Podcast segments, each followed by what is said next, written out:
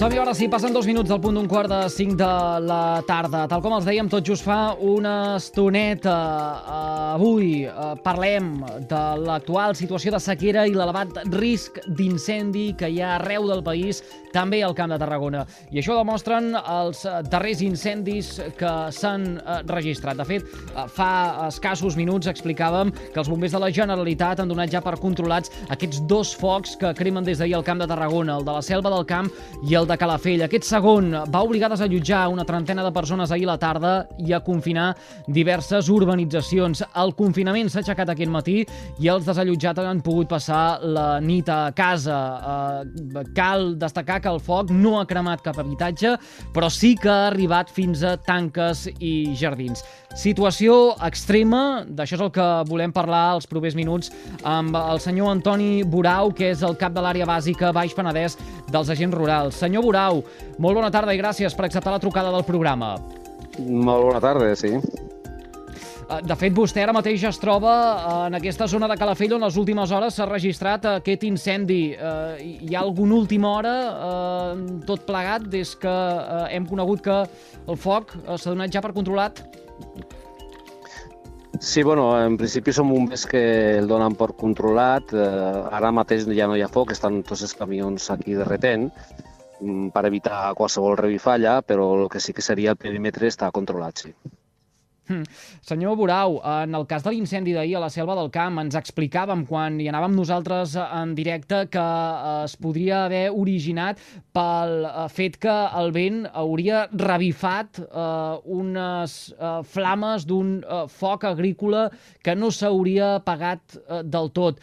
Coneixen ja, eh, vostès que són els encarregats de dur a terme la investigació, com es podria haver originat eh, l'incendi de Calafell?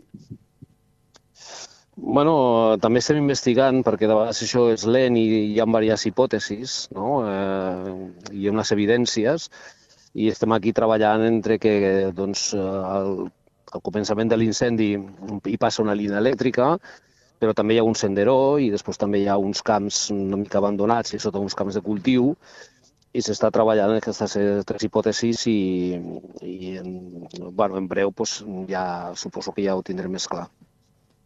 Estarem doncs, a l'espera de conèixer eh, què és el que eh, ha originat aquest incendi forestal que ens ha tingut eh, a tots amb la mirada posada en eh, aquest punt de la comarca del eh, Baix Penedès. Senyor Borau, eh, portem molts dies explicant eh, que el territori està molt sec per la manca de eh, pluges. Eh, S'ha activat el Pla Alfa a nivell eh, 2 en un parell o tres d'ocasions les darreres eh, setmanes. Som conscients com a ciutadans que ens trobem en una situació tan i tan delicada?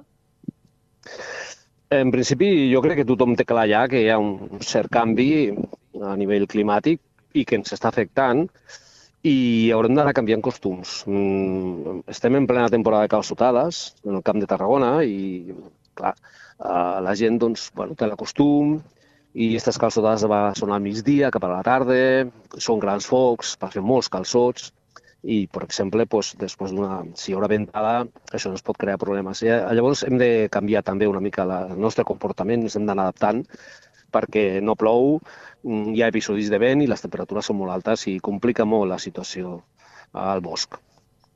Se'n sumaven que enguany la temporada d'incendis pogués avançar-se tant, eh, fos tan eh, precoç, recordem, eh? ens trobem encara eh, a l'hivern. Sí que la setmana que ve entrem ja en la primavera, però en aquestes alçades de l'any, eh, recorda vostè eh, el, alguna situació similar a la que estem vivint en ple 2023? Sí, al llarg de la història hi ha hagut situacions que poden ser similars, inclús en els mesos de, de, de, de novembre, desembre, grans eh, dies de vent, amb temperatures altes, el que passa és que ara ja és molt acumulatiu, això. Eh? Estem aguantant i ja fa un, temps que no plou i, clar, la situació és una mica crítica. Això no vol dir que en la primavera ens centressin unes pluges fortes, deixés tot el país mullat eh, i podria tornar a canviar. Però de moment el que tenim ara mateix és unes condicions molt desfavorables, que molt, les comarques de, de Tarragona i Terres de l'Ebre avui estan en pla alfa 2. Això vol dir que no es pot cremar, no es pot fer cap activitat i que s'ha d'anar molt de cuidador. A més a més, des d'avui ja no es poden eh, uh, dur a terme eh, focs eh, agrícoles amb els permisos que s'estaven utilitzant fins ara, senyor Grau. Sí, a partir d'avui es donen permisos agrícoles quan les condicions fa, són favorables fins a les 12 del migdia, perquè evidentment al camp doncs, hi ha la cultura d'eliminar de, els restes vegetals cremant, però quan estem en pla fa 2 mm, queden totalment anul·lats. O sigui, el, el pagès i, i, i qui vulgui en aquests moments utilitzar aquestes cremes ha d'estar molt pendent del telèfon i veure si realment aquell dia es pot fer o no. Uh, senyor Borau, la situació que estem vivint aquest, uh, aquests darrers dies, eh? el passat cap de setmana uh, vam ja haver de uh, lamentar un foc uh, entre uh, Cubelles i, i Vilanova, uh, ahir el cas de la Selva, parlàvem també del Parelló, ara el de uh, Calafell. Uh, és un indici de per on aniran els trets uh, aquests propers mesos? És a dir, si uh, tenim això en ple mes de març, esgarrifem-nos pel que pot vindre a l'estiu? A veure, és un indici de que pot arribar a, a, que podria arribar a ser un estiu molt dur mm, si les condicions es mantenen. Vale? Això en realitat és una petita florida d'incendis que surten perquè les condicions els hi són favorables hi ha moltes possibles causes d'incendis que és molt complicat de controlar-les i quan les condicions són tan, tan, tan desfavorables, doncs en qualsevol moment pot sortir un incendi.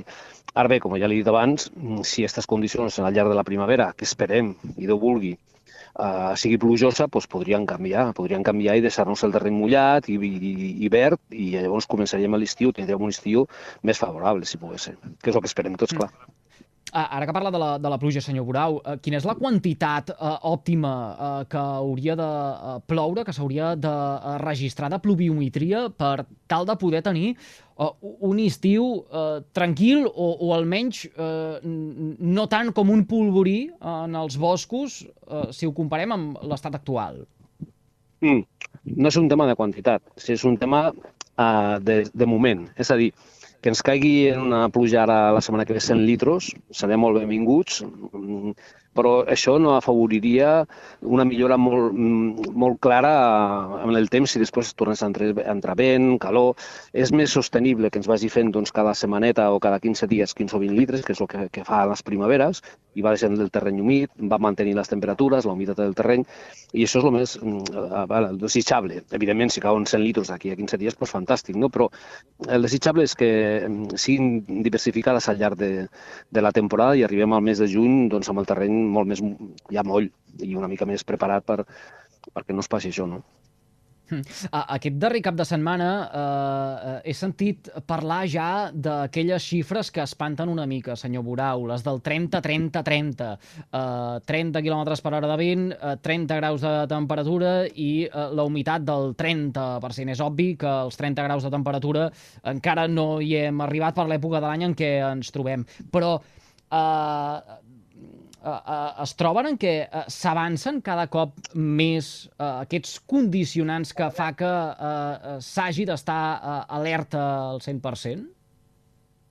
Sí, sí, si es mantenen aquesta, aquests números, mm, evidentment hem d'estar molt alerta, però ja no només els, els cossos que estem, la, la vigilància, la prevenció, l'extinció, sinó que, clar, és a nivell de la ciutadania ja en general, perquè després tots en una parcel·leta, tots volem fer foc, volem sortir al camp, i aquestes activitats s'hauran de restringir totalment perquè és que si no, no, no, no serà sostenible. Està clar, no, aquestes temperatures, eh, amb aquestes humitats, amb aquests cous de vent, doncs és molt difícil mantenir, mantenir bueno, sense incendis el, te el territori. Mm. Uh, senyor Borau, uh, moltes vegades uh, pronunciem aquella màxima de els focs s'apaguen a l'hivern, uh, no a l'estiu. Estem fent aquesta tasca, estem duent a terme uh, tota aquesta uh, feina de prevenció d'incendis a nivell ciutadà i a nivell també de l'administració. Uh, els ajuntaments uh, vetllen pel bon estat de uh, finques, de uh, camins, de vorals, uh, que els uh, titulars de massa forestal la mantinguin en uh, òptimes condicions? La pregunta és molt complexa, eh? Primer, no sé si la puc respondre jo, si està, està òptim. Uh, a veure, els ajuntaments intenten fer les franges de protecció de les urbanitzacions, en alguns dels municipis, el mateix Calafell, en té moltíssimes urbanitzacions i molta superfície a mantenir aquestes... Però això seria efectes de defensar-nos, d'acord? Després hi ha tota la massa forestal, que és la massa és com és.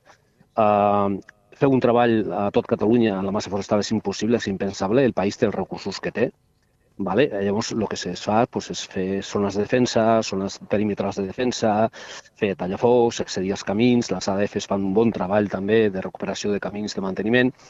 A veure, mm, però tot això, el que jo puc dir, si les condicions meteorològiques són molt, molt desfavorables, està passant a Califòrnia, ho estem veient cada any igual, i són americans amb tots els recursos que tenen, totes les formes de treball que tenen, grans estacions netes, passa igual. És a dir, el que necessitem és tenir un clima mediterrani que a la tardor i a la primavera ens, ens plogui i la resta ja la farem nosaltres. Però clar, si no ens ha plogut a la tardor i no ens plou aquesta primavera, l'estiu serà molt calent, evidentment.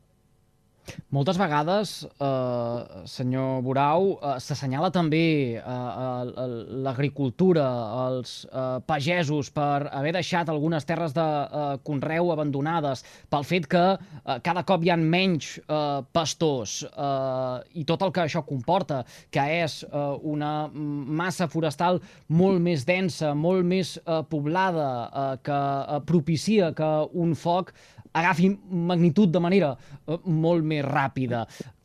Com es pot revertir una situació d'aquestes característiques quan eh, després els tècnics ens expliquen que l'òptim seria que eh, hi hagués eh, el mosaic, eh, és a dir, eh, tipologies canviant de, de conreus, de terres, de boscos eh, en, en el nostre entorn? Bueno, clar, és l'utopia, no?, de poder fer, mantenir els terrenys cultivables i mantenir-lo net, però la nostra societat és la que és, evoluciona com evoluciona i això és molt complex. Eh?